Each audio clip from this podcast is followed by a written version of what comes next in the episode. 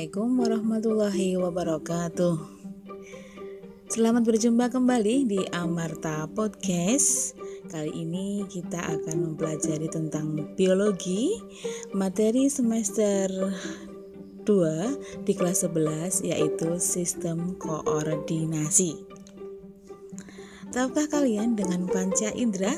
Ya, indera penglihatan mata, indera pendengaran telinga, indera perasa atau pencecap lidah, indera penciuman atau penghidu hidung, dan indera peraba yaitu kulit.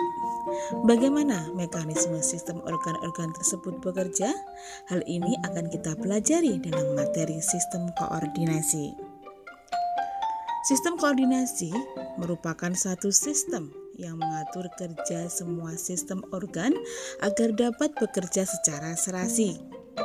Sistem koordinasi bekerja untuk menerima rangsangan, mengolahnya, dan kemudian meneruskannya untuk menanggapi rangsangan.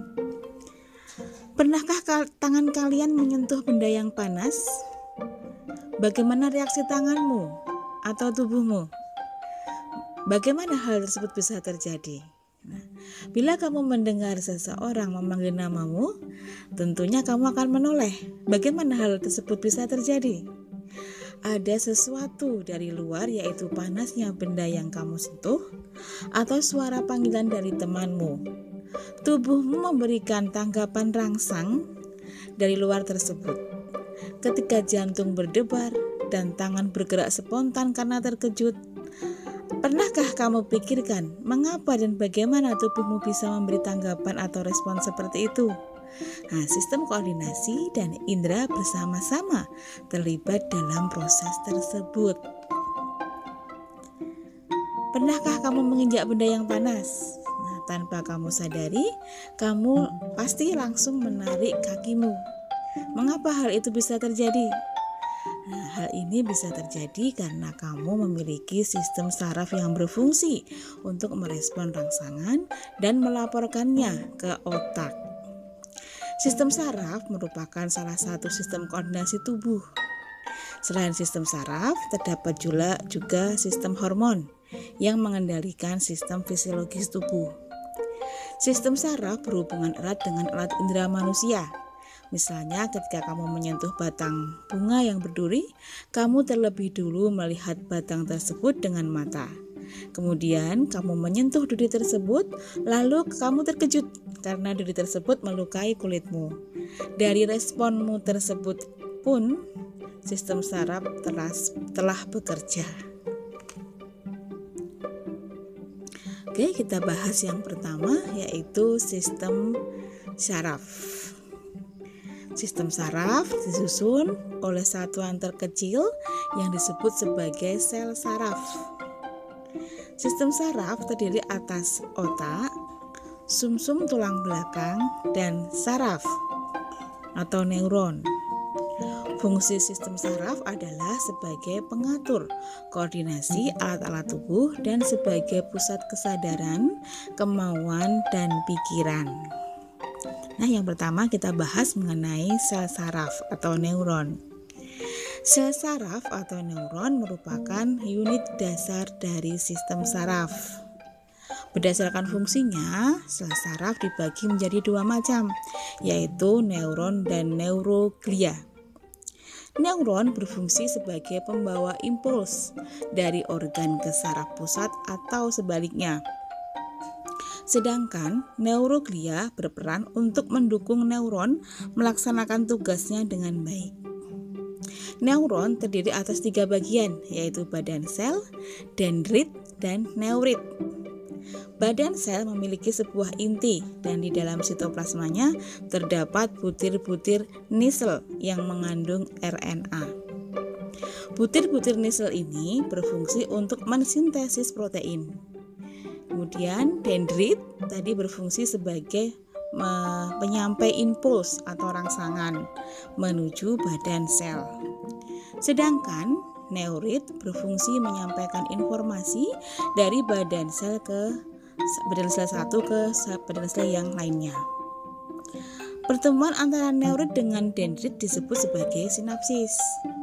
Nah, di dalam neurit terdapat serabut-serabut halus yang disebut sebagai neurofibril. Neurofibril diselubungi oleh selaput myelin yang berfungsi melindungi dan memberi makan neurit. Pada tempat tertentu terdapat penyempitan dan yang tidak diselubungi oleh selaput myelin. Nah, penyempitan ini disebut sebagai nodus Reinfer. Nah, untuk gambarnya kamu bisa melihat di buku acuan ya, banyak sekali gambar mengenai sel saraf ini. Kemudian berdasarkan struktur maupun fungsinya terdapat tiga macam sel saraf. Ada sel saraf sensorik, sel, sel saraf motorik dan juga sel saraf yang berfungsi sebagai konektor atau disebut sebagai interneuron. Neuron sensorik atau disebut sebagai neuron aferen berfungsi untuk menghantarkan impuls dari indera ke sistem saraf pusat yaitu otak dan sumsum -sum tulang belakang. Kemudian neuron motoris atau disebut sebagai neuron eferen berfungsi untuk menghantar impuls dari sistem saraf pusat ke kelenjar atau otot Kemudian ada neuron konektor atau interneuron berfungsi untuk meneruskan impuls atau rangsangan dari neuron sensorik ke neuron motoris. Interneuron merupakan sel saraf yang memiliki banyak dendrit dan akson atau disebut sebagai multipolar. Nah, kalau kita bergerak itu bisa dibedakan menjadi dua, ada gerak biasa dan ada gerak refleks ya. Jadi sebagai apa namanya respon kita ketika ada suatu rangsangan maka kita akan melakukan suatu gerakan. Nah, gerakan ini ada yang gerak biasa ataupun gerak refleks. Gerak sendiri itu adalah suatu aktivitas tubuh karena adanya rangsangan oleh syaraf. Gerak dibagi menjadi dua macam yaitu gerak biasa maupun gerak refleks. Gerak biasa adalah gerak yang dilakukan dengan kesadaran, sedangkan gerak refleks dilakukan di luar kesadaran. Gerak refleks sangat dibutuhkan untuk menghindari bahaya. Berdasarkan letak neuron penghubung atau neuron konektor, gerak refleks dibagi menjadi dua, ada gerak refleks otak dan refleks tulang belakang. Jika neuron konektornya itu terletak di otak, maka disebut sebagai refleks otak. Contohnya gerakan pupil mata yang menyempit dan melebar karena terkena rangsangan cahaya. Jika neuron konektornya itu terletak di sumsum -sum tulang belakang, maka disebut sebagai refleks sumsum -sum tulang belakang. Contohnya, gerakan lutut yang tidak sengaja ketika dipukul. Nah, kemudian eh, setelah tadi sel saraf, eh, kemudian ada eh, kajian lagi mengenai sistem saraf pusat dan tepi. Ya, jadi saraf ada yang pusat, ada yang tepi. Maksudnya bagaimana? Sistem saraf pusat itu adalah terdiri atas otak dan sumsum -sum tulang belakang. Kalau sistem saraf tepi terdiri atas sistem saraf sadar atau saraf kraniospinal dan saraf tak sadar atau saraf otonom. Sistem saraf pusat merupakan pusat pengaturan informasi. Seluruh aktivitas tubuh dikendalikan oleh sistem saraf pusat. Sistem saraf pusat terdiri atas otak dan sumsum -sum tulang belakang. Tadi sudah kita bahas ya. Otak dilindungi oleh tengkorak dan sumsum -sum tulang belakang dilindungi oleh ruas-ruas tulang belakang. Otak dan sumsum -sum tulang belakang dibungkus oleh selaput menia yang melindungi sistem saraf halus, membawa pembuluh darah dan dengan mensekresikan sejenis cairan yang disebut sebagai cairan cerebrospinal. Selaput menia dapat memperkecil benturan dan guncangan. Menia terdiri atas tiga lapisan yaitu piameter, arachnoid, dan diurameter. Jadi sedemikian eh, apa namanya sempurnanya ya eh, untuk perlindungan sistem saraf ini ya di otak. Nah, otak sendiri merupakan pusat saraf yang terletak di dalam tengkorak. Otak manusia terdiri atas dua belahan, yaitu otak kiri dan otak kanan. Otak kiri mengendalikan tubuh bagian kanan, sebaliknya otak kanan mengendalikan tubuh bagian kiri. Ya, kebalikan ya berarti.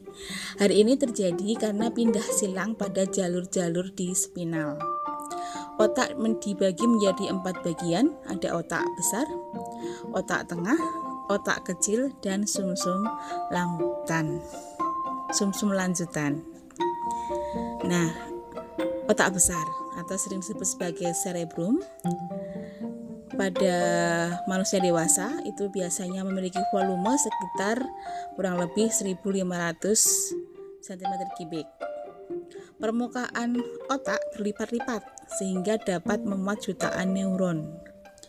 Bagian luar otak terdiri atas neuron sehingga berwarna kelabu atau disebut sebagai substansia grisea.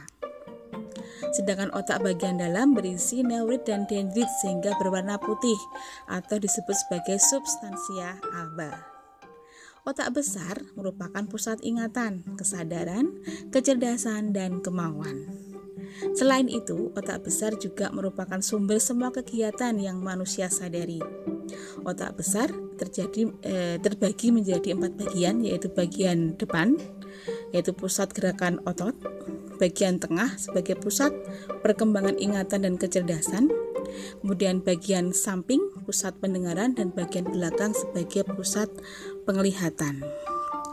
Kemudian otak tengah. Otak tengah merupakan bagian otak yang terletak di antara pons fasoli dan di encephalon. Otak tengah berhubungan dengan sistem penglihatan dan pendengaran. Kemudian otak kecil. Otak kecil terletak di bawah otak besar di dalam rongga tengkorak bagian belakang. Fungsi otak kecil untuk mengatur keseimbangan tubuh, posisi tubuh, dan gerakan otot yang disadari. Bagian kiri dan bagian kanan otak kecil dihubungkan oleh satu penghubung yang disebut sebagai jembatan farol. Bagian luar otak kecil berwarna kelabu dan bagian dalam atau medula berwarna putih. Selanjutnya sumsum -sum lanjutan medula oblongata terdapat di muka otak kecil dan di bawah otak besar merupakan perpanjangan dari sumsum -sum tulang belakang. Bagian dalamnya berisi neuron sehingga warnanya kelabu, sedangkan bagian luarnya putih yang berisi neuron dan dendrit. Fungsinya adalah untuk sebagai pengatur pernapasan, gerakan jantung dan gerakan alat pencernaan. Kemudian sumsum -sum lanjutan atau medula spinalis ini berada di tulang belakang ya, dilindungi dilindungi oleh ruas-ruas tulang belakang. Bagian luarnya berwarna putih, bagian dalamnya berwarna kelabu, jadi kebalikan dari yang otak tadi. Sumsum -sum tulang belakang terletak memanjang dari ruas-ruas leher sampai ruas pinggang yang kedua. Selaput otak juga menyelimuti sumsum -sum tulang belakang. Jadi fungsinya tentu saja tadi sebagai pusat perantara susunan saraf tepi dan otak menghantarkan impuls menuju atau dari otak mengatur gerakan refleks tubuh. Kemudian itu tadi yang sistem saraf pusat. Nah, kalau saraf tepi itu adalah sistem saraf sadar dan sistem saraf tidak sadar.